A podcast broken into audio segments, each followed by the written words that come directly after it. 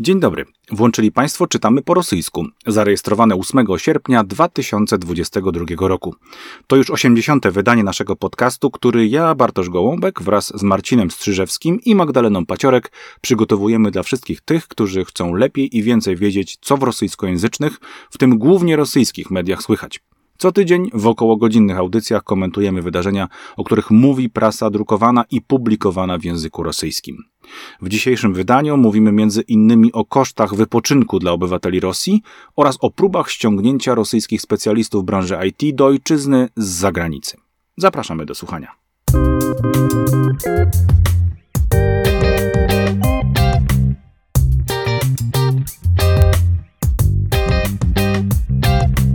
Dzień dobry Państwu, witam Cię serdecznie Marcinie. Dzień dobry i dzień dobry Państwu. Tak się składa, że byliśmy na stand-upie i, i, i to był taki wyjątkowy stand-up. Wiaczesław Komisarienko występuje w Polsce i postanowiliśmy z redaktorem Strzyżewskim sprawdzić, jak to idzie.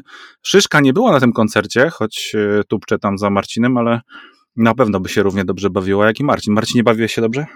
Ja się ubawiłem, proszę Państwa, setnie. Najbardziej mi się spodobał dowcip o żabce, ponieważ Slawa, jak zazwyczaj się przedstawia, mieszka w Warszawie, bo nie bardzo może gdzie indziej, ma problemy z dokumentami, szuka go KGB i chodzi jak my wszyscy na zakupy do żabki, ma problemy z naliczaniem żabsów, więc żyje takim normalnym polskim życiem.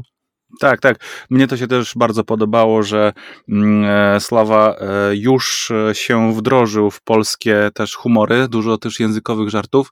Bardzo serdecznie Państwu polecamy, kto może i ma czas i ma fundusz wystarczający, a to nie jest bardzo droga impreza, jak się, jak sądzimy, a bardzo wartościowa. Mm, zobaczyć na żywo kogoś, kto prawdopodobnie, gdyby nie idiotyczny pomysł Putina i jego towarzystwa, szybko by do Polski nie zawitał ze stand-upami. No nie, Marcin? Chyba tak to należy na to patrzeć. Prawdopodobnie nie i to wynika nie tylko z tego, że jego tutaj wygoniły różne okoliczności, jak choćby te poszukiwania przez KGB, ale także wygoniły tutaj tłumy ludzi. Tam było około, oni sami ze sceny mówili około 800 osób. Ja nawet po krzesłach y, obliczałem, że może być tego nawet trochę więcej, nawet pod tysiąc, to w zasadzie moglibyśmy tam być jedny, jedynymi Polakami. To nie jest takie w sumie oczywiste, żeby Polacy rozumieli e, język rosyjski na tyle dobrze, żeby się z tego w ogóle pośmiać, prawda? No tak. To nie jest aż takie powszechne, choć wiadomo, nie jesteśmy jedyni, ale to było towarzystwo bardzo mieszane. Ja miałem nadzieję, że pojawi się jakiś rodzaj pytania o to skąd kto przyjechał. Wiecie Państwo, na stand-upie się odpowiada klaszcząc. Tutaj padło tylko pytanie o to, kto jest z Białorusi i tak no z jedna trzecia sali zaklaskała. Zakładamy, mhm. że duża część to rosyjskojęzyczni Ukraińcy, zresztą obok nas siedzieli, bo przepraszali jak się przeciskali przez po fotele. ukraińsku, tak, przepraszali po ukraińsku, po ukraińsku tak, tak, jak tak. najbardziej ale były bardzo różne twarze, w tym nawet y, takie, które by wskazywały na pochodzenie bardziej azjatyckie, może z Kazachstanu, może z jakichś republik rosyjskich. Trudno jednoznacznie stwierdzić arcyciekawa mieszanka, aż tam w trakcie, pamiętam, rozmawialiśmy, że to trochę jak wieczory z poezją w Paryżu w czasach y, wielkiej emigracji w Polsce, Mickiewicza, takich ludzi. Oczywiście tak, klimat, klimat inny, ale... Tak, tak. Tut proporcją gardę oczywiście, prawda? Z francuska mówiąc. Ale to też kiedyś tak. będzie jakiś rodzaj klasyki, gusta się zmieniają, formy tak. sztuki się zmieniają. Kiedyś była poezja, teraz jest stand-up. Mhm. Różnie to bywa, ale jest jakiś taki właśnie duch diaspory, która w zupełnie obcym sobie miejscu e, kraju na wygnaniu, mhm. często i ekonomicznym, i politycznym, zbiera się, żeby się po prostu wspólnie e, pobawić i pośmiać między innymi z rewelacyjnego Slawy, który zawsze udaje Łukaszenkę i robi to, przyznaje świetnie naprawdę mu wychodzi. No tak, okoliczności wojenne może nie sprzyjają jakiejś szczególnie szerokiej radości, ale ludzie są zmęczeni na pewno też wiadomościami ze wschodu e, i to towarzystwo w niewielkim Krakowie, bo jak doskonale Państwo wiedzą, Kraków e, dla wielu kończy się już za plantami, a tutaj naprawdę bardzo różnorodne mm, e, towarzystwo rosyjskojęzyczne. Myślę, że masz rację, że tutaj mogło być też sporo nawet nie tyle naszych gości, ale w zasadzie już mieszkańców Polski, którzy pochodzą z Ukrainy, ale także i Rosjan, myślę, mogłoby się na tych koncertach znaleźć. Mówimy tylko o naszej perspektywie, a wiemy też przecież, że Słowa Komisarienko, Komisarienko E, właściwie tak ten akcent pada, mm, e, koncertuje w Polsce. Ja mam tylko jedną prośbę, jeśli słuchają nas osoby, które mogą wpłynąć na to, żeby ten e, odważny, śmiały i zabawny człowiek w tych ciemnych, mrocznych czasach mógłby otrzymać dokumenty, o które aplikuje, to bardzo o to prosimy. No nie, Marcin? Dokładnie tak, bo tam problemy są dość spore, a wydaje się, że jakiś rodzaj wsparcia administracyjnego dałoby się tutaj załatwić. Przecież on jest no, poważnym człowiekiem o dobrych zamiarach, który nie przyjechał tutaj, żeby e, robić cokolwiek złego, tylko po prostu w poszukiwaniu bezpiecznego miejsca, w którym może normalnie żyć, płacić podatki i jakoś przeczekać te złe czasy, zanim będzie mógł wrócić do domu. Przypomnijmy zresztą, że tym domem y, jest nie Białoruś, tylko Moskwa. On tam spędzał ostatnie czasy, dopóki nie był w stanie nie, nie został zmuszony do wyprowadzki do Kijowa, później Kijów i w ogóle Ukrainę zaatakowano i musiał się przenieść do Polski. Nawet z tego żartował, mówiąc, że teraz z kolei w Polsce mogą się dziać złe rzeczy, skoro on się tutaj wybrał, a gdzie się nie przeprowadza, tam się dzieje nie najlepiej. Mm, e, za to byśmy się nie trzymali raczej, ale to fakt, że dużo dystansu i dużo humoru, e, także w takich e, trudnych sprawach, które na co dzień wydają się nie do przejścia. On potrafi z tego żartować. Wielki szacunek dla, dla niego i dla tych fajnych, miłych ludzi, sympatycznych, uśmiechniętych, zatroskanych też na pewno, którzy siedzieli wokół nas. Fajnie było. No to co, Marcin, lecimy po tematach. Tak, lećmy po tematach. W przyszłym tygodniu, proszę Państwa, będę sam, bo pan doktor udaje się na zasłużony odpoczynek i pomyślałem, że można by tutaj porozmawiać trochę o odpoczynku, bo na portalu takim e, regionalnym jarosławskim pojawił się ciekawy artykuł zupełnie niewojenny, zupełnie z innej beczki, jak to się mówiło u Monty Pythona. Porównano w Jarosławiu oferty turystyczne w miejscowych turystycznych agencjach i wybrano trzy kierunki. E, trzy, bo no, Rosjanie w tej chwili nie mają gigantycznego wyboru, mogą latać tam, gdzie ich wpuszczą. Porównano Soczi, Turcję i Malediwy. Oczywiście Malediwy są tutaj tą opcją, no już bardzo drogą i raczej e, w dowolnej sytuacji dla każdego mieszkańca globu ekskluzywną. Natomiast Turcja i Soczi to już są takie kierunki bardziej, jak to się mówi w Rosji, demokratyczne, czyli po prostu ogólnodostępne. Przede wszystkim wniosek jest taki, porównania takiego wewnętrznego, że różnica w cenie pomiędzy wybrzeżem Morza Czarnego, Soczi jest faktycznie kurortem po prostu rosyjskim, Krym oczywiście w czasach Związku Radzieckiego był tutaj mm, równie przynajmniej popularny, później politycznie się wiele zmieniło. Teraz na Krym jeżdżą ludzie nie aż tak chętnie, bo jest to strefa bliska jednak linii frontu i po prostu wojny. Więc do tego porównania Krym nie trafił, choć nie zostało to podane wprost, dlaczego nie, a wydawałoby się, że w teorii mógłby. W portalu 76RU przyjęli, że będą porównywać taki konkretny scenariusz wakacyjny, dwie osoby dorosłe z dzieckiem na dwa tygodnie. Można oczywiście byłoby to przyjąć inaczej, ale to nie ma takiego dużego znaczenia.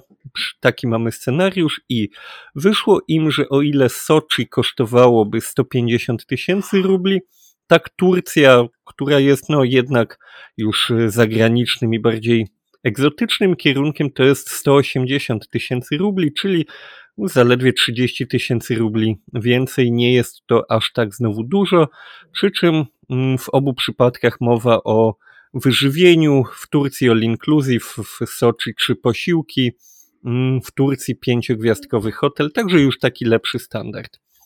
E, powiedzmy przyzwoity przynajmniej.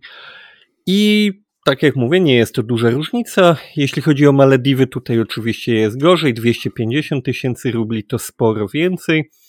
ale pomyślałem sobie, że to porównanie byłoby zupełnie niepełne, gdybyśmy sobie go nie rozbudowali o porównanie do tego, co się dzieje w Polsce.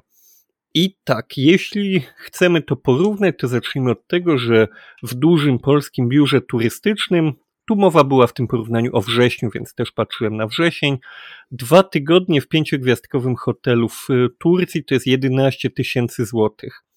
Tam była mowa o 180 tysiącach rubli w bezpośrednim przeliczeniu, choć teraz kurs rubla jest sztucznie zawyżony, to jest 13,5 tysiąca złotych. I teraz, jeśli weźmiemy sobie aktualne średnie zarobki Rosjanina i Polaka, w obu przypadkach doskonale wiemy, że są to zarobki dość mocno zawyżone, w tym sensie, że no, ktoś, kto w Polsce i w Rosji zarabia średnią krajową, to już znaczy, że nie jest źle wielu ludzi i tu i tam zarabia zdecydowanie mniej niż ta średnia. Mamy tego absolutnie pełną świadomość. W Rosji faktycznie te zaburzenia są dodatkowo bardzo duże, jeszcze większe niż w Polsce, na tej granicy pomiędzy Moskwą, Petersburgiem i pozostałym terenem kraju. Dla takiego mieszkańca Jarosławia ta średnia krajowa liczona dla całego kraju, no to już jest w ogóle trudna do uzyskania. Ta średnia w Rosji aktualna za maj 2022 to są 62 tysiące rubli. Według internetowego kalkulatora brutto-netto netto to nam wyjdzie zdecydowanie mniej 42 tysiące rubli, czyli 3147 zł. W Polsce netto w maju nam wychodziło 4391 nie tak znowu dużo więcej, 1200 zł więcej, ale w porównaniu do tego, że te ceny wycieczek dodatkowo są mm, trochę u nas niższe, trudno powiedzieć mi dlaczego dokładnie tak się dzieje, że nas Turcy przyjmują trochę taniej. Mm, nie będę zgadywał, jakie są tego przyczyny. Możliwe, że po prostu Jarosław ma słabe oferty.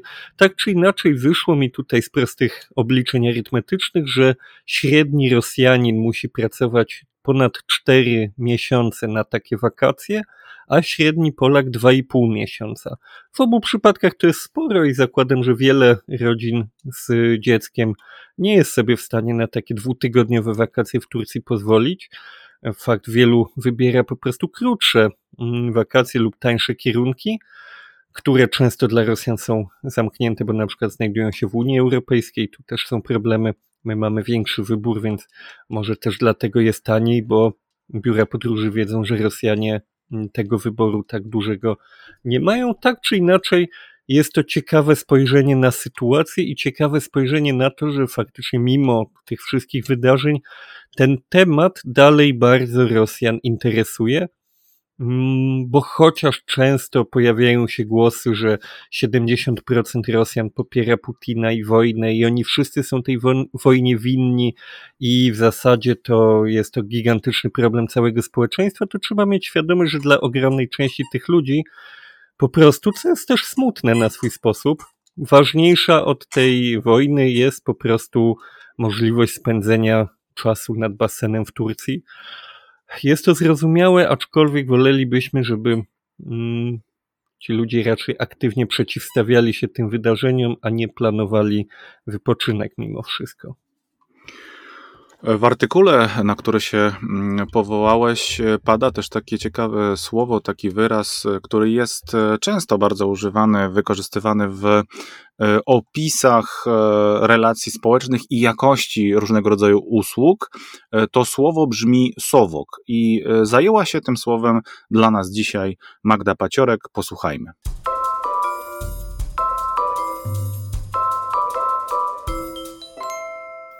артикуле о летней туристице pojawia się zdanie Если вы хотите отдохнуть в комфортных условиях и не ощущать так называемый совок, to można рассмотреть проживание w современnych отелях. Przetłumaczymy to zdanie następująco. Jeśli chcecie odpocząć w komfortowych warunkach i nie czuć tak zwanego PRL-u, to możecie rozważyć nocleg w nowoczesnych hotelach. Zastanawiacie się pewnie, co w moim tłumaczeniu robi PRL. Jest on polskim odpowiednikiem słowa zawok, czyli coś w klimacie przestarzałym, rodem z minionych czasów.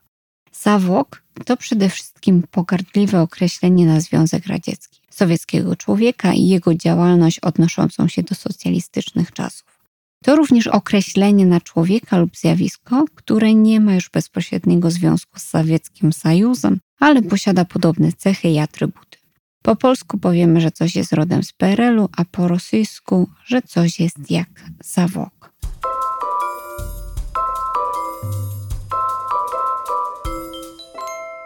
Właśnie, Sowok, Państwo być może troszeczkę byli zaskoczeni, że Magda mówi o PRL-u również, ale trochę jest tutaj rzeczywiście a, takiej spójności mm, kulturowej, która pozwala na taką ekwiwalencję, na takie zastąpienie w tłumaczeniu, więc tak to wygląda. A co do tych e, kontekstów, o których mówiłeś, arytmetycznie e, przeliczyłeś e, ten kontekst, ale na zakończenie zwróciłeś uwagę na to, na co faktycznie chyba i my powinniśmy zwrócić uwagę dzisiaj. Rozpoczęliśmy od e, rozmowy, takiego mini wspomnienia o tym, jak wygląda stand-up mm, w Polsce, e, rosyjskojęzyczny, białoruskiego pochodzenia, e, ale kierowany dla wszystkich rosyjskojęzycznych, którzy są tutaj.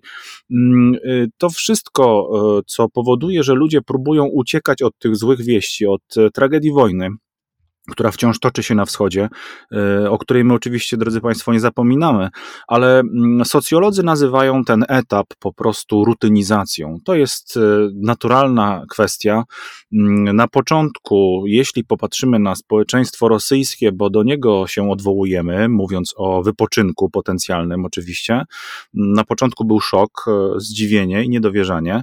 Następnie, jak twierdzą specjaliści, nastąpiła konsolidacja zwolenników, wyników tak zwanej specjalnej operacji wojskowej, czyli ataku na Ukrainę, mówiąc e, już po polsku właściwie, no a następnie właśnie rutynizacja. E, okej, okay, dla e, społecznego oddechu, dla psychiki nas wszystkich, tych, którzy obserwują to z bliska, ci, którzy na co dzień tym żyją, na pewno ważny jest też jakiś rodzaj odcięcia, jakiś rodzaj schowania na moment przynajmniej tych y, doznań, y, które płyną z wyłącznie tak naprawdę z naszego punktu widzenia akurat mówię o nas, o naszym doświadczeniu, czyli moim Marcina, czytania, przeglądania tych kwestii, ale ludzie, którzy na co dzień tym żyją mm, w sposób bezpośredni, tak? Na przykład matki, rodziny tych, którzy muszą e, pożegnać e, wracające dwusetki tak zwane do Rosji, no na pewno nie mają nawet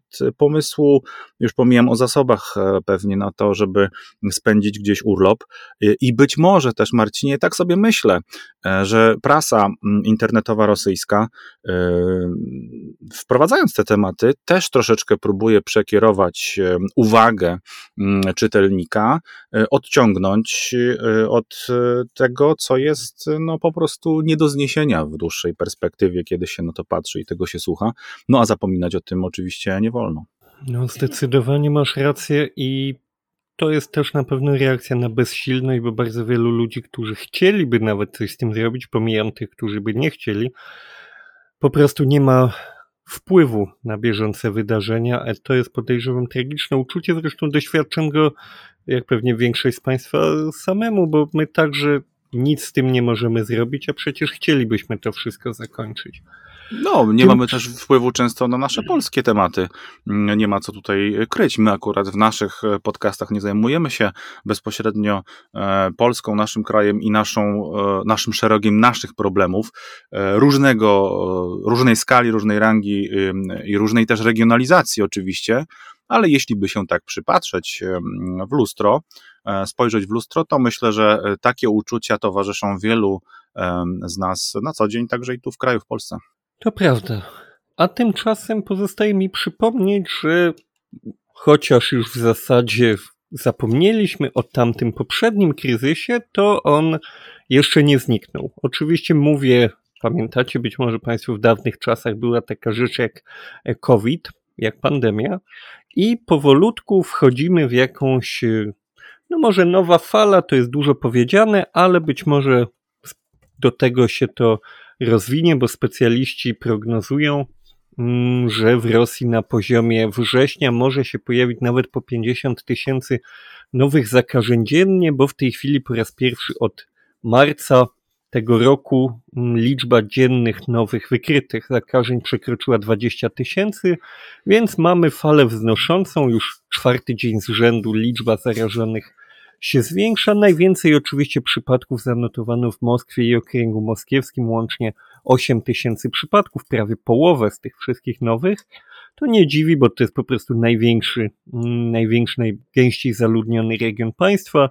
Na drugim miejscu jest Petersburg, więc nic nas tu nie dziwi. Tam po pierwsze jest najwięcej ludzi, po drugie istnieje jeszcze medycyna, która jest w stanie te przypadki w ogóle wykrywać. I tutaj warto przypomnieć, że oficjalna statystyka mówi o 382 ofiarach śmiertelnych COVID-u w Rosji, czyli mimo wszystko, mimo całej tragedii obecnego kryzysu wojennego, wciąż COVID, który oczywiście ma fory, bo zaczął wcześniej trwał dłużej, zebrał no jednak bardziej śmiertelne żniwo. Co więcej, tutaj Mediazona dalej publikuje wyliczenia dotyczące tych nadwymiarowych, ponadplanowych zgonów w Rosji. Ten licznik już mm, dobija do miliona dwustu tysięcy, dokładnie milion sto osiemdziesiąt osiem tysięcy do czerwca bieżącego roku.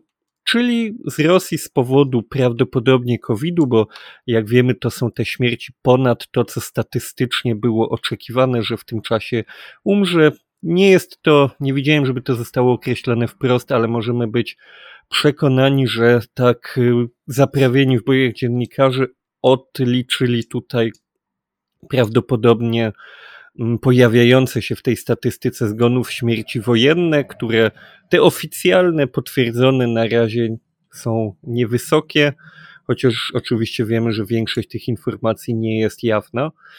Więc możemy tutaj mówić o tym, że od początku pandemii zginęło w Rosji, zniknęło z Rosji duże miasto. Naprawdę duże miasto. Prawie milion dwieście tysięcy ludzi, to jest sześć Rzeszowów, półtora Krakowa, no mniej więcej tego typu skala e, strat w kraju, który już wcześniej miał duże problemy z demografią. I tak jak mówię, w tej chwili to wraca. Na razie mówimy o 50 tysiącach, przepraszam, 50 zgonach dziennie, nie 50 tysiącach. Tu e, trochę zaszalałem.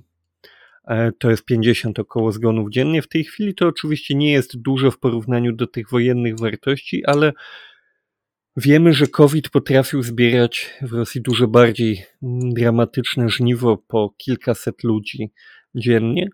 I tutaj pojawia się pytanie, czy w tej rzeczywistości wojennej, kiedy słyszymy w ostatnich dniach o mobilizacji personelu medycznego na front, kiedy mówimy o przesunięciu wielu różnego typu sił i środków na potrzeby wojenne, kiedy mówimy o czasem i protestach masowych, choć w ostatnich miesiącach było ich dużo mniej niż na początku wojny, o ludziach, którzy muszą spędzać czas często w koszarach, w ciasnych wnętrzach pojazdów pancernych, czy te dwa kryzysy dodatkowo się tutaj Rosji nie nałożą mm, w sposób kolejny, dodatkowy, mm, utrudniając tę i tak już niełatwą sytuację.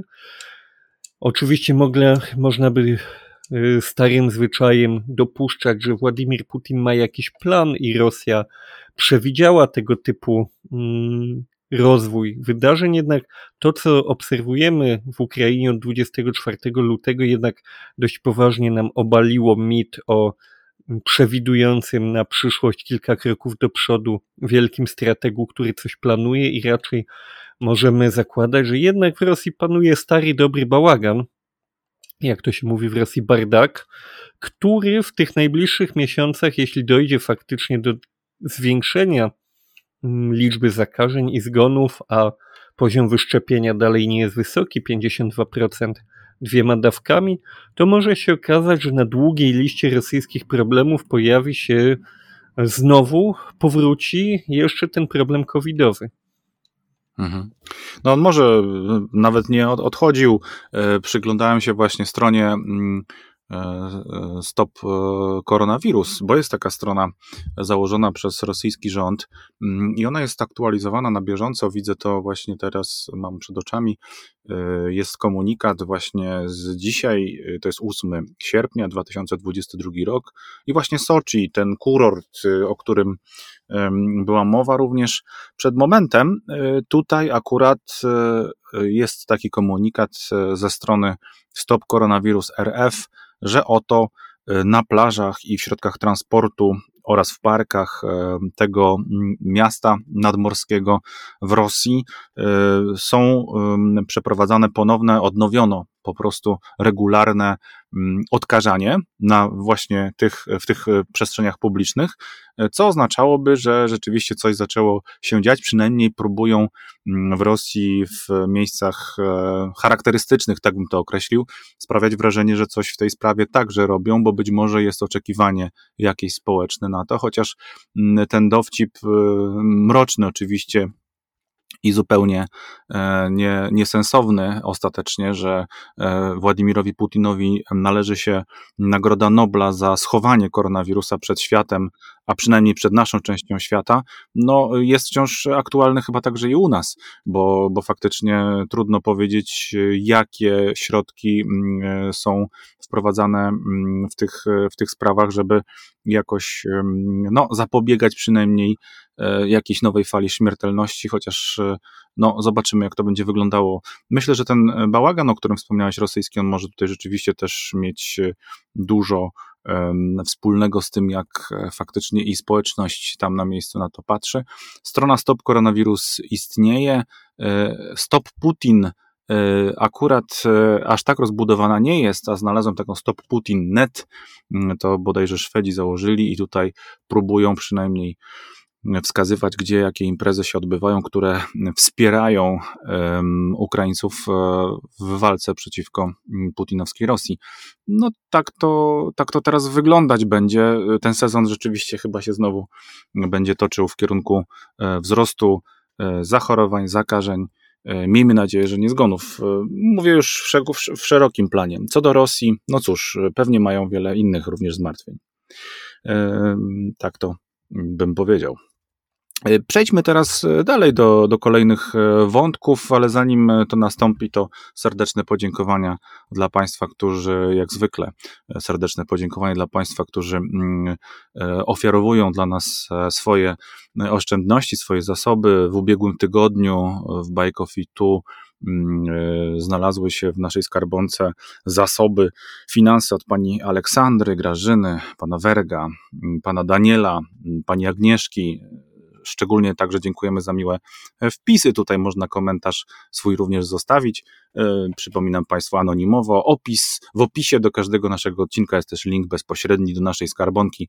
Jeśli Państwu się podoba, jeśli macie ochotę słuchać nas dalej w tej sprawie, w takim wydaniu, mm, jak e, właśnie to realizujemy, to zachęcamy do tych datków.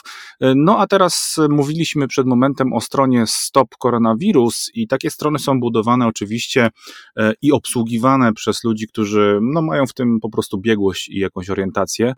Mm, e, I tych ludzi jest oczywiście w Rosji mm, wcale nie tak dużo zważywszy, że po 24 lutego tego roku tak zwanych IT-szników, czyli specjalistów z branży IT bardzo dużo wyjechało, ale też sporo z nich, którzy pracowali zdalnie, po prostu niechętnie w ogóle wraca ci, którzy także wyjeżdżali wcześniej, przed tym, e, przed eskalacją konfliktu. E, I Rosjanie, rząd rosyjski ma oczywiście w tej sprawie pewien zgryz, on się publicznie bardzo szczegółowo jakoś nie objawia w mediach, ale w, na portalu mm, Radia Swoboda mm, pojawił się taki tekst, który zatytułowany jest Ojczyzna czy zwolnienie. E, no i tutaj oczywiście autorzy próbują opisać, jak e, próbuje państwo rosyjskie mm, ściągać z powrotem e, ludzi z branży IT do Rosji, bo są niezwykle potrzebni, o tym też już nieraz mówiliśmy, ale na razie nie było pomysłu, jak to robić. No i jak to się dzieje w Rosji? W roku 2022, drodzy Państwo, w sierpniu. Otóż niepewne rachunki mówią o tym, że brakuje, czy też opuściło Rosję, albo jest poza granicami obecnie Federacji Rosyjskiej około 170 mm, tysięcy specjalistów z Rosji oczywiście pochodzących, którzy po prostu wyjechali albo mm, przebywali poza granicami jeszcze przed wybuchem e, wojny mm, przeciwko Ukrainie. Jakie metody ma państwo rosyjskie, aby ten wielki deficyt uzupełnić? Mm, od razu e, powiedzmy to wprost, drodzy Państwo, no nie jest to wycofanie się z głupiej wojny oczywiście. To jakby ktoś z Państwa miał pomysł na to w ten sposób, żeby sprawę rozwiązać. Nie, Rosjanie idą dalej w zaparte w tej sprawie. Główne kierunki, mm, z których należałoby przywrócić, powrót, należałoby się spodziewać powrotu e, ludzi e, z branży IT, e, informatyków, programistów, deweloperów itd., tak itd., tak no to są oczywiście Gruzja, Armenia i Turcja. Dlaczego te kraje? No to też troszkę, już o tym mówiliśmy, to są te państwa, do których rosyjscy obywatele nie potrzebowali wiz, żeby się do nich dostać bezpośrednio. I pracują bardzo dużo mm, informatyków, e, tych takich e, bardzo wysokiej specjalizacji, oczywiście. Pracuje oczywiście zdalnie ale pojawiły się ostatnio w Rosji plotki, że oni zostaną po prostu zwolnieni ze swoich miejsc zatrudnienia, oczywiście z rosyjskich firm, jeśli nie pokażą się w Rosji w najbliższym czasie, albo przynajmniej jeśli nie określą, kiedy będzie można ich po prostu fizycznie w Rosji zobaczyć, no choćby w biurze firmy. Na razie, jak piszą autorzy tego tekstu, dotyczy to niższych szczebli hierarchii w IT. No po prostu jest to testowane rozwiązanie na ludziach, e, których jakoś można jednak zastąpić w razie po prostu zwolnienia, no bo można straszyć kogoś zwolnieniem, ale jeśli to nie następuje, no to jakby wiadomo e, wszystkim, że te strachy są po prostu na lachy. Zatem e, już takie naciski firmy wyprowadzają, po prostu jest presja z zewnątrz na te firmy. A jaka jest ta presja z zewnątrz, drodzy Państwo? Można sobie powiedzieć, no przecież nie dzwoni e, Kreml, e, administracja Kremla do poszczególnych instytucji i firm i nie prosi o to, żeby ludzi e, zwalniać, tylko oczywiście otwarta została taka dyskusja, która jest wystarczająco publiczna i wystarczająco realistyczna a w środowisku rosyjskich, no, w branży rosyjskich, rosyjskiego IT, a ta dyskusja toczona jest w Minfinie tak zwanym, czyli w Ministerstwie Finansów i chodzi oczywiście o podatki, drodzy Państwo. Pomyśleli na Kremlu i w Białym Domu tak zwanym, gdzie mm, e, siedzibę swoją ma rząd rosyjski, że no po prostu trzeba mm, presją podatkową na firmy oddziaływać, czyli E, projekt, e, który został już przygotowany, mm, wygląda następująco. Obywatele, którzy przebywają poza granicami Rosji, ponad 183 dni w roku oczywiście, będą płacić mm, nie 13%, ale 30% podatku. To oczywiście przełożone zostało na pracodawców. Zatem utrzymywanie w e, przedsiębiorstwie człowieka, który jest poza granicą Rosji, to znaczy, jeśli on jest na terytorium Federacji Rosyjskiej, czyli na przykład nie pracuje w Moskwie, gdzie jest siedziba, gdzie jest siedziba jego firmy, ale na przykład w Jekaterynburgu, czy jeszcze dalej na wschodzie, to się nic nie dzieje. Ale wiemy doskonale, że no, ta branża naprawdę daje gigantyczne możliwości przemieszczania się po całym świecie. I e, też mamy bardzo różne mm, formy zatrudnienia, ale w takiej formie, w której jest to etat po prostu, i to sowicie opłacany, no pracodawca będzie po prostu tracił. Zatem albo go zwolni, albo zrobi wszystko, żeby przywrócić e, do Rosji właśnie swoich ludzi. Już zaczęły się takie ruchy, na przykład w tak zwanym zbierze, czyli Zbierbanku. No, branża bankowa bardzo potrzebuje oczywiście specjalistów IT i już e, pewne takie zwolnienia nastąpiły. Ludzie, którzy nie byli gotowi do powrotu do Rosji, zostali po prostu skreśleni z listy płac. No i muszą sobie teraz radzić sami, ale myślę też, że mm, dadzą sobie radę akurat e, w tej przestrzeni. E, a co to e, znaczy tak naprawdę? Zarobki były gigantyczne, jak twierdzą specjaliści i redaktorzy z Swobody w branży oczywiście, zwłaszcza, że zapotrzebowanie na takich specjalistów rosło, zresztą rośnie na całym świecie. No a teraz jeszcze, drodzy Państwo, o tym także już wspominaliśmy, jeszcze jest większe ciśnienie w Rosji na tego typu usługi, ponieważ no po prostu trzeba zastępować oprogramowanie zagraniczne w bardzo wielu przestrzeniach życia codziennego i nie tylko codziennego. Zagraniczne oprogramowanie trzeba zastąpić ojczystym. No ale do tego trzeba je po prostu przygotować, napisać, opracować i wydać. No więc to jest naprawdę problem. E, praca w Rosji z zagranicy dla wielu mm, specjalistów, e, którzy byli pytani o to, jak to wygląda z ich punktu widzenia, wcale nie jest taka wygodna. Oczywiście uderzenie w kieszenie nastąpiło bardzo silne, kiedy kurs rubla się załamał. No i faktycznie wielu ludzi tutaj bardzo istotnie zaczęło tracić z takich wielkich gwiazd branżowych, mm, bardzo ciekawy przypadek, drodzy Państwo, to jest opuszczenie e, Rosji przez panią Jelenę Buniną. To była dyrektorka generalna rosyjskiej firmy Yandex. Myślę, że Państwo doskonale wiedzą, o jaką firmę tutaj chodzi. Ona zrezygnowała ze stanowiska w momencie mm, e, po prostu wybuchu działań wojennych e, na Ukrainie. Wyjechała za granicę. Mówiła: Nie wrócę, nie mogę pracować w kraju, który prowadzi wojnę z sąsiadami. E, wielu e, IT-szników, e, tak zwanych z rosyjska jest ideowych, wielu po prostu patrzy na spokój w pracy, spokój i ciszę w życiu. No niestety takie jest życie, ale Rosja próbuje już ich szukać po świecie i próbuje jakoś ich wabić. Na razie to wabienie raczej przez pałkę chyba nie przyniesie jakiegoś bardzo owocnego rezultatu. No właśnie tutaj trzeba powiedzieć, że ta historia, jak zresztą wiele tych historii, ma głębokie korzenie. W zasadzie to, co my obserwujemy w tej chwili w postaci wojny w Ukrainie, w postaci wszystkich tych procesów, które wyrosły do jakichś gigantycznych rozmiarów, to jest w zasadzie tylko przedłużenie i rozwój tego, co obserwujemy od naprawdę wielu lat, w zasadzie no przynajmniej od początku rządów Władimira Putina i ucieczka ludzi związanych z branżą IT, to jest problem, który Rosja ma od dawna.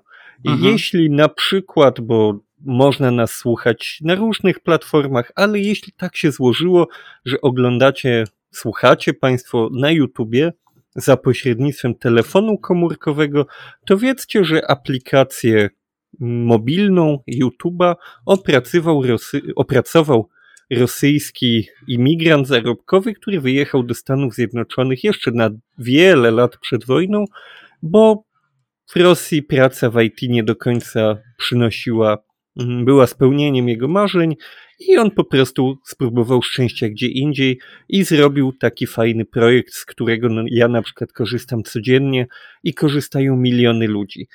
Mieliśmy zresztą dużo starszą historię, dużo starszą jeszcze radziecką, człowieka, który stworzył grę komputerową Tetris, który, no tam było dużo takich mitów o tym, jak on bardzo źle wyszedł na stworzeniu tej gry. On na tym źle nie wyszedł, tylko dobrze zaczął na tym wychodzić, kiedy z Rosji wyjechał. I on teraz sobie bardzo dobrze żyje, długo pracował w Microsoftie, no, człowiek, który stworzył produkt bardzo prosty, ale który stał się komercyjnie gigantycznym przebojem. My sobie dzisiaj nawet mm, często nie przypominamy, jak bardzo potężnym przebojem był Tetris, choćby dlatego, że był to taki flagowy tytuł konsoli przenośnej Game Boy firmy Nintendo. No, szał był na to ogromny. Hillary Clinton była uzależniona, więc ta historia A jeszcze jakby się wcześniej cofnąć, to przecież jednym z założycieli firmy Google jest syn imigrantów rosyjskich, e, tak Siergiej Brin, którzy wyjechali, oni jeszcze ciężko ich nazwać informatykami, oni też zajmowali się naukami ścisłymi, ale to jeszcze były czasy bardziej analogowe. Oni też wyjechali i ich syn założył gigantycznego mm, kolosa informatycznego gdzieś poza Rosją. Tak, to chociaż wszystko... o tym jeszcze nie wiedział, chociaż jeszcze nie wiedział, że zakłada kolosa. No oczywiście, ale myślę, że każdy jak coś zakłada, to gdzieś tam liczy na to, że to będzie duże, choć że tak duże to raczej nie miał szans przypuszczać. Jasne. Więc Rosja od w zasadzie można by powiedzieć pokoleń prowadzi zgubną dla siebie politykę odstraszania zdolnych jednostek ze swojego, z tego kraju po prostu. I było wiele takich historii o biznesach, które zostały mm, no, odebrane w sposób siłowy ludziom, którzy zakładali coś ciekawego, to zaczynało się kręcić. Jest wiele firm informatycznych, które poza granicami Rosji, produktów takich IT, platform, które dają radę, są popularne na całym świecie, korzystamy z nich codziennie, a nie przynoszą rosyjskiemu e, budżetowi korzyści, choć po prostu by mogły. To jest gigantyczna strata i myślę, że w tej chwili to, co mówisz, no, ściąganie tych ludzi pałką jest bezsensowne. To nie są to nie są pisarze, inteligenci lat dwudziestych, którzy pisali po rosyjsku i większość z nich nie była w stanie się gdzieś za granicą utrzymać, jeździli na taksówkach, wiązali ledwie koniec z końcem i marzyli o tym, że Rosja mogła być inna, żeby oni tam jakoś byli w stanie wrócić na swoją pozycję społeczną. W tej chwili pracownicy IT to są ludzie, którzy są w stanie osiągnąć wysoką pozycję społeczną, no jak tylko gdzieś tam są w stanie po angielsku się na tyle porozumieć, żeby mm, zrozumieć, jakie jest zadanie, to sobie dadzą radę i oni są po prostu potrzebni. Oczywiście ten rynek bywa różnie, raz są potrzebni bardziej, raz mniej. Momentami już się wydaje, że się ten rynek nasyca, ale mimo wszystko jeszcze długo popyt na ich usługi będzie dużo większy niż na usługi wielu, wielu innych zawodów, więc oni sobie poradzą.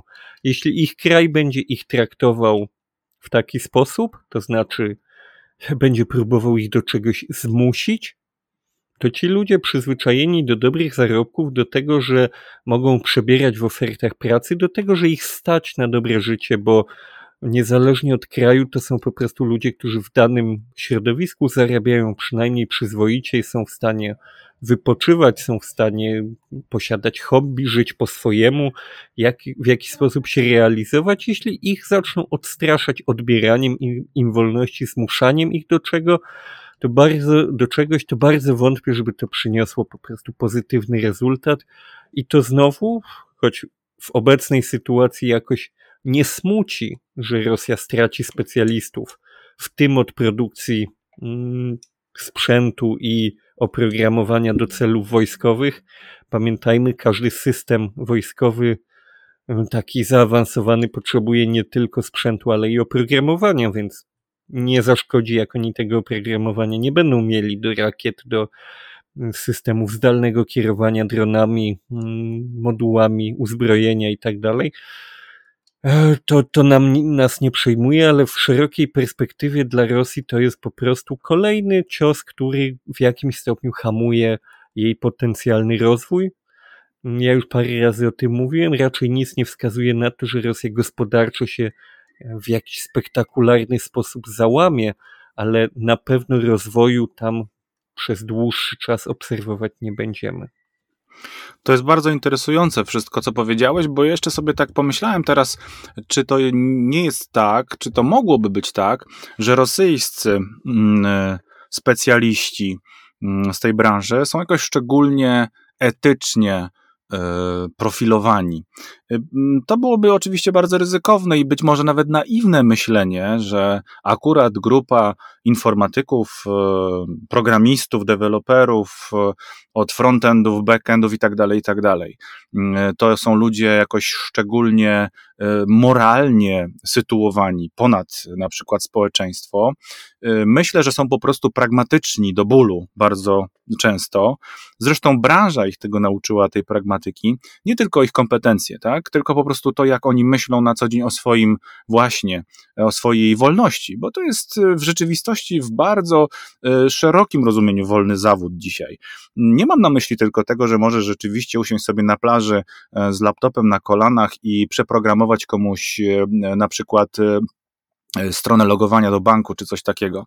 Mam na myśli także to, że mm, ta wolność jest również dyktowana tym, że to jest trochę, e, wybaczcie Państwo, mówię trochę jako laik, ale też, który czasami gdzieś tam do właśnie tych ludzi zwraca się z pewnymi e, pytaniami czy potrzebami, to jest trochę czarna magia to, ta wolność jest też, e, wydaje mi się, dyktowana tym, że ci ludzie wiedzą doskonale, jak dużo wiedzą ponad przeciętnie, ponad standard.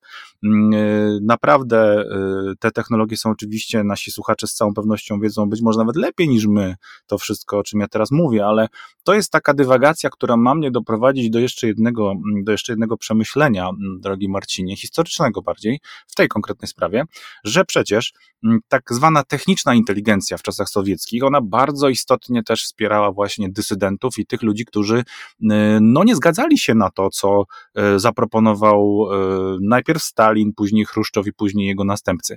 Mówię o czasach powojennych ściśle, bo wtedy to było bardziej na pewno widoczne, aczkolwiek może i wcześniej można byłoby ich znaleźć. Zatem często mamy takie wrażenie, że to są ludzie, którzy po prostu gdzieś tam pozamykani w swoich komórkach, w swoich gabinetach, w swoich pomieszczeniach klikają i stukają w klawiatury, ale w rzeczywistości to są ludzie, którzy rzeczywiście e, jako e, wynalazcy, innowatorzy mają chyba, to jest ryzykowne może co powiem, ale z drugiej strony dlaczego nie, nie miało być weryfikowalne, jeśli Państwo mieliby takie przemyślenia, też to komentujcie, powiedzcie, czy tak jest Waszym zdaniem. Informatycy wyższego szczebla szczególnie, seniorzy i nie tylko seniorzy, no ci, którzy naprawdę tą magię E, liczb ujętych w kody programowania ujęli, że to są ludzie, których wolność właśnie dyktowana jest tym, mm, co faktycznie mogą z tego wszystkiego stworzyć. A to z kolei no, nie pozwala im, tak jak już słusznie zwrócić uwagę, no, pod pałką e, cokolwiek wykonywać. Albo mm, chcecie naszych usług, albo do widzenia, prawda? Jeszcze przyszła mi do głowy taka jedna banalna rzecz, z której która właśnie nie była taka oczywista, choć powinna być, to są ludzie, którzy dobrze zarabiają, co oznacza, że tak jak statystycznie rzecz biorąc, Rosjanie w dużej swojej masie nie mieli możliwości po prostu tego chociażby zachodu zobaczyć na żywo, po prostu się przejechać do Paryża, Amsterdamu, Berlina na wakacje, na weekend, przelecieć się tanimi liniami i zobaczyć. To są ludzie, których było na to stać, którzy mogli się przejechać, którzy gdzieś w korporacji mogli sobie popracować, porozmawiać z tymi ludźmi gdzieś po prostu na jakimś zwykłym korporacyjnym kolu i to są banalne, proste sprawy, ale przez to, że taki człowiek miał jakikolwiek kontakt, jest o wiele trudniej mu wmówić, jak to ten zły natowski zachód na wszystkich dybie chce wszystkich zniszczyć, jeśli mamy człowieka, który w życiu nie opuścił okręgu tam, nie wiem, rostowskiego, i nigdy w życiu nie rozmawiał po angielsku z Niemcem, czy Brytyjczykiem, czy z kimkolwiek, po prostu. I jemu z telewizorów mówią, że w zachodzie gnijącym to to i tamto i oni dybią i to na to i tak dalej, to jego jest o wiele łatwiej w to wpuścić, w to oszukać, wmówić mu, że ta rzeczywistość wygląda inaczej. A człowiek, który tego po prostu doświadczył, przeszedł się ulicą, nie wiem, Brukseli, jak mu mówią, że tam po prostu biedni ludzie sami i sami geje i sami jacyś przeciwnicy Rosji agresywni, to jemu będzie trudniej to wszystko w jakiś sposób go zmanipulować w to, żeby wierzył w tego typu wizję rzeczywistości, bo on tę rzeczywistość po prostu troszkę lepiej zna i jest trochę bardziej nastawiony na poznawanie jej samodzielnie, a nie tylko i wyłącznie przez telewizor. Mhm.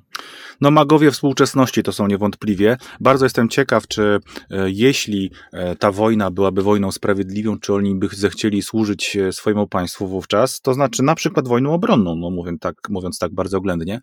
Być może tak jest właśnie z punktu widzenia ukraińskich informatyków, którzy wcale nie muszą być gorsi, a też mogą służyć państwu swojemu, wcale nie będąc właśnie w okopach wyłącznie gdzieś w okolicach Doniecka, Charkowa, czy idąc na Hersoń, ale właśnie nawet za nawet tu z Polski, z Krakowa, z Katowic i tak dalej, i tak dalej. Mm, wierzę, że tak jest, że to są ludzie naprawdę, mm, którzy potrafią sobie sami wytworzyć ekosystem i znaleźć go w odpowiednim miejscu, jak to e, zwykło się mówić, e, dlatego, żeby po prostu tworzyć, bo to są twórcy naszej przyszłości, nawet nie tyle współczesności, co przyszłości. E, trochę się otarliśmy o wojnę, w, związku z tym przejdę do kolejnego wątku, który jest wojenny, ale jednocześnie jest kaukasko-wojenny, drodzy Państwo. Mm, te rzeczy, o których będziemy teraz mówili, one już były podawane w różnych kontekstach i konfiguracjach, ale tym razem e, pojawiło się coś bardzo e, konkretnego. Otóż na łamach e, nowej gazety EU, czyli europejskiego wydania tej nowej inkarnacji czasopisma, pojawił się artykuł zatytułowany Kadyrowcy na wojnie, czyli Kadyrowcy na wojnie, ale nie taki sobie po prostu artykuł, tylko wprowadzenie do poważnego raportu na ten temat, który przygotowali mm, byli współpracownicy, a nawet pracownicy zasłużonego memoriału. No tutaj nie będę bardzo się rozpowiadał w tej kwestii, doskonale wszyscy wiedzą, słuchali Państwo nas z całą pewnością, a ci, którzy nie słuchali, to przypominamy, mówiliśmy o tym, kiedy e, memoriał był likwidowany w Rosji, że tam pracuje bardzo dużo ludzi, którzy nie tylko zajmowali się przeszłością czasów e, sowieckich, stalinizmem i represjami, ale także sporo ludzi, którzy zajmowali się współczesnością, ale także profilowani byli e, w naturalny sposób ze względu na wojny, która, które Moskwa prowadziła na Kaukazie, zwłaszcza w Czeczenii, profilowani byli właśnie w tym kierunku i doskonale rozumieją i wiedzą, jak poruszać się po tej przestrzeni. I właśnie ci ludzie, byli współpracownicy memoriału, przygotowali taki 50-stronicowy raport.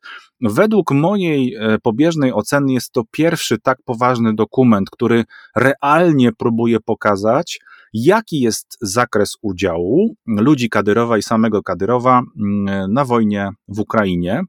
To, co do nas dociera, drodzy Państwo, no to oczywiście są jakieś okruchy mniej lub bardziej szokujące, czasami śmieszne, czasami wręcz aberracyjne, to prawda, ale ludzie z memoriału nie są od tego typu zagadnień. Oni biorą materiał i do dna wertują, sprawdzają, nadają kontekst i to właśnie się y, ukazało teraz. Jest dostępne mm, z witryny y, nowej e, gazety. Można ten raport przeczytać. Ja, drodzy Państwo, już to dla e, nas, naszych potrzeb zrobiłem i parę wniosków, parę, parę takich elementów, e, rodzynków z tego tekstu zaraz Państwu przytoczę.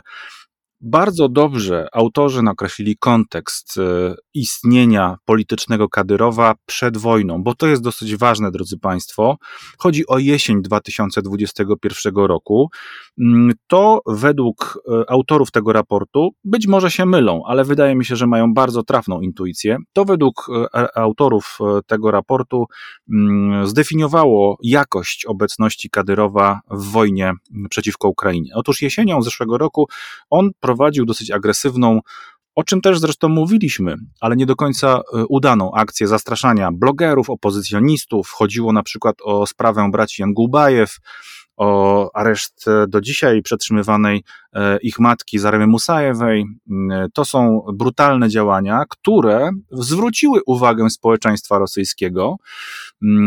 Oczywiście tego bardziej Y, negatywnie nastawionego do takiej samowoli mm, kau kaukasko-czeczeńskiej, konkretnie rzecz biorąc, y, Kadyrowa właśnie. Nawet Ilya Jaszyn na swoim kanale YouTube zwrócił się po raz kolejny zresztą o to, aby go zdymisjonować. I faktem jest, że coś się w tej sprawie zaczęło dziać, bo Prasa, co prawda, e, mocno e, o tym wszystkim informowała, ale Kreml próbował zamykać na to oczy do 3 lutego 2022 roku. 3 lutego mm, doszło do takiego tajemniczego, jak się uważało wówczas, i do dzisiaj w sumie jest to niejasne, ale spotkania na szczycie.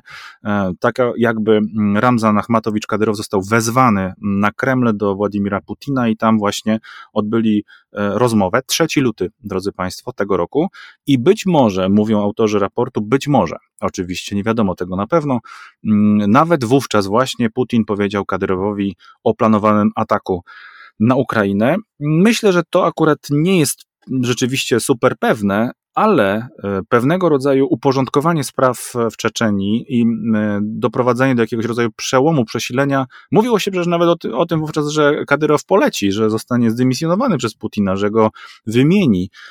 Pamiętam, jak te rozważania wyglądały. To się jednak nie stało. Po kilkunastu dniach e, zobaczyliśmy rakiety lecące na Kijów. I teraz posłuchajmy, co mówią w raporcie o zbrodniach kadyrowców. Myślę, że to Państwa zaciekawi. E, taki cytat. Ogólnie rzecz biorąc, z dostępnych nam informacji można wyciągnąć pewne wnioski, które mogą zostać zweryfikowane. Istnieją dowody, w tym zeznania i podsłuchy telefoniczne, na popełnienie przestępstw takich jak grabieże, znęcanie się nad więźniami, dowody przestępstw takich jak e, okrutne e, traktowanie więźniów. Nie ma jednak podstaw, zwracam na to Państwa uwagę, do twierdzenia, drodzy Państwo, to jest cytat z raportu, że kadyrowcy wykazują jakieś szczególne cechy w porównaniu z innymi rosyjskimi wojskami, siłami czy strukturami. Ponadto te praktyki nie spotykają się z jednoznaczną aprobatą zarówno krewnych, jak i mm, tych wewnątrz Czeczeni funkcjonujących ludzi i kolegów ze służby także. Odbiernego lekceważenia i rozkazów po próbę powstrzymania grabieży, za którą mm, zapłacono życiem. To jest e, taki, e, taki wątek. No więc pokusa przypisania Czeczenom niemal wszystkich zbrodni przeciwko ludności cywilnej na Ukrainie spowodowana jest po części potężną kampanią PR-ową samego Kadyrowa, który doprowadził do fałszywych wniosków, a wnioski mm, są takie często, że tylko i wyłącznie widzimy e, na obrazkach z internetu właśnie tak zwanych kadyrowców, czy to strzelających do drzew, czy to za jakiegoś konta, e, czy to wreszcie e, kadyrowców, którzy znęcają się jakoby nad, e, nad ludźmi. I tutaj pewnego rodzaju dygresję chciałbym wprowadzić, bo ten fragment raportu mm, jakby osłaniał trochę mm, właśnie te oddziały Kadyrowa, to znaczy próbował je w pewnym sensie usprawiedliwić y, postawą samego Ramzana Kadyrowa. I trochę zbiega się to z ideą raportu, nie wiem, mm, czy by się Państwo z tym zgodzili, czy Marcin by się z tym zgodził, z, ideą raportu Amnesty International, który tak mocno jest krytykowany teraz e, przez państwo ukraińskie, e, no ale nie tylko oczywiście. E, powiem tak, że oczywiście ideałem byłoby w ogóle nie pisanie żadnych raportów w trakcie wojny, która trwa, no bo one stają się orężem kampanii informacyjnej, to jest jasne, ale ktoś to przecież musi zrobić, ktoś musi poszukać prawdy w tym wszystkim, bo wiemy, że na wojnie ta prawda umiera jako pierwsza. A Amnesty International mówi o mm, takich e, kwestiach, to z ich strony teraz przywołam, że w dzielnicach mieszkalnych, w tym szkołach i szpitalach utworzono bazy wojskowe. Znaczy Ukraińcy niewystarczająco e, za, zapobiegliwi są w chronieniu swoich obywateli, to znaczy narażają na atak swoich cywili. No to takie trochę, się, trochę mi się to zbiegło z tym, co napisali o Czeczenach, że nie są aż tak, nie taki diabeł e, fatalny, jak go e, sam Kadyrow maluje. W zasadzie o to można byłoby tutaj w ten sposób powiedzieć. O stratach kadyrowców. Są dobrze wyliczone, są dobrze udokumentowane. Mówi się, że z Republik Kaukazu Północnego przynajmniej na terenie mm, konfliktu toczonego, czyli na ziemiach Ukrainy, zginęło co najmniej 507 żołnierzy, którzy są mieszkańcami Republik Północno-Kaukaskich, ale bardzo ciekawe inne spostrzeżenie, że w Osetii Północnej, która od czasów sowieckich tradycyjnie uważa się za rosyjską placówkę wojskową, taką forpocztę, e, tam akurat um, lepiej jest to zidentyfikowane, to znaczy widać wyraźnie, że tam, gdzie są bardziej wyrafinowane tradycje wojskowe w tych republikach kaukaskich, tam też e, śmierć żołnierza jest inaczej eksponowana i jest e, no po prostu ten kult e, ofiary wojennej bardziej wyeksponowany. E, tutaj są też analizowane e, zachowania władz, e, zachowanie liderów religijnych. Widać bardzo wyraźnie, że tutaj w kilku co najmniej punktach faktycznie autorzy tego 50-stronicowego dokumentu no, wiedzą o czym mówią, bo jest to naprawdę doskonale udokumentowana rzecz, sporo e, odniesień, linków. No i e, taka ostatnia kwestia w tej sprawie, największe poparcie dla mm, tej wojny e, prowadzonej przez Moskwę jest w Dagestanie. Tak wynika z tych analiz, a najmniejsze w Inguszetii, jeśli chodzi o Kaukaz Północny. Tutaj także chodzi o prestiż służby wojskowej. E, odpowiednio w Dagestanie jest on wyższy, a w Inguszetii relatywnie niski. W związku z tym tam e, tego rodzaju mm, e, poparcia tak dużo nie widać. Mm, tu faktycznie mm, trochę wywołałeś mnie do odpowiedzi. Ja bym trochę inaczej zinterpretował ten fragment o okrucieństwie i przestępstwach wojennych, bo faktycznie Czeczeni byli na początku wojny swojego rodzaju straszakiem. Takim, no nie poszło nam w trzy dni, ale teraz wejdą Czeczeni i bójcie się. Mhm. To jest oczywiście stricte powiązane faktycznie z tą PR-ową mm, rozgrywką Ramzana Kadyrowa, który próbował zachować przy sobie blisko ten kult czeczeńskiego groźnego wojownika w czasach wojen czeczeńskich faktycznie oni bardzo dali się we znaki Rosjanom. Pamiętamy tutaj liczne przypadki, kiedy walka z nimi była dla Rosjan wyjątkowo krwawa, trudna i problematyczna, tylko że to byli ludzie, którzy bronili swojego kraju, walczyli o jakąś autonomię, jakąś no, lepszą przyszłość dla tego miejsca, przynajmniej duża część z nich. Hmm. Też te motywacje były różne, natomiast on, e, Kadyrow w sensie nie do końca może zostać uznany za jakiegoś sensownego następcę tamtych ludzi, ale cały czas próbował się pokazywać jako ten groźny, okrutny wojownik, który trzyma Kaukaz i tą Czeczenię żelazną ręką i jak on się pojawi, to będzie bardzo groźnie. I ja w pełni wierzę, że jego żołnierze wykazują się dużym okrucieństwem, chociażby wobec jeńców, bo wykazywali się dużym okrucieństwem wobec przeciwników politycznych w samej Czeczeni na długo przed wojną i już po 2014 roku, czyli w zasadzie w czasie wojny, to było tam bardzo różnie. Boli to, że ten raport pokazuje, że no tak, Czeczeni są okrutni i popełniają zbrodnie wojenne, ale inni rosyjscy żołnierze nie są lepsi. No tak bym to interpretował, że ta pozostała część wojsk dorasta do tego standardu czeczeńskiego, co jest y, fatalną informacją dla wszystkich jeńców, zarówno ukraińskich, jak i międzynarodowych tych ochotników. Bardzo współczuję każdemu, kto się do tej niewoli dostał, bo wiemy, że dzieją się tam przynajmniej w części przypadków rzeczy absolutnie paskudne, jak choćby te ta eksplozja Wielienowca, jeśli dobrze pamiętam nazwę miejscowości, gdzie próbowano to oczywiście zrzucić na Ukrainę, ale wszystko wskazuje na to, że tam się ponad 50 ukraińskich jeńców Rosjanie po prostu pozbyli w zasadzie innymi metodami technicznymi, ale w zasadzie jak polskich jeńców w Katyniu, no to jest no, trudno nie dostrzegać tutaj jakiegoś porównania, bo w obu przypadkach byli to po prostu bezbronni ludzie, którzy zostali z zimną krwią zamordowani, teoretycznie znajdując się pod ochroną prawa międzynarodową jako, jako jeńcy. I no, tutaj bym się bardzo, mm, bardzo bał tej oceny.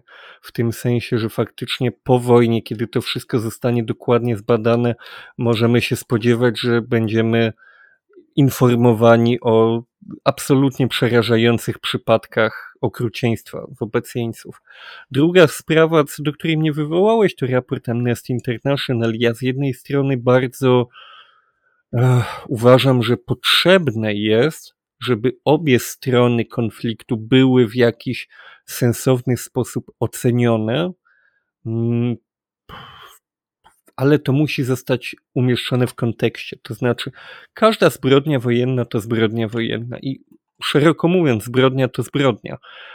Za zbrodnie powinno się karać, za złamanie prawa powinna być konsekwencja. Natomiast w sytuacji, w której Ukraina walczy o swoje przetrwanie jako państwa i jej społeczeństwo walczy o przetrwanie siebie fizycznie nawzajem, swoich dzieci, osób starszych, o swoje jakieś tam, nazwijmy to, dobra materialne, infrastrukturę, o swoją przyszłość, którą e, ktoś im próbuje odebrać, to nie jest symetryczna sytuacja, w której są dwie strony, które są równie winne i powinny bić się sprawiedliwie. To nie jest e, mecz bokserski, w którym obowiązuje fair play. To jest walka o przetrwanie, którą która nie jest symetryczna także dlatego, że rosyjscy żołnierze, w teorii oczywiście, bo to nie od nich w dużej mierze zależy, ale jakby Rosja powiedziała, kończymy tę wojnę, tak?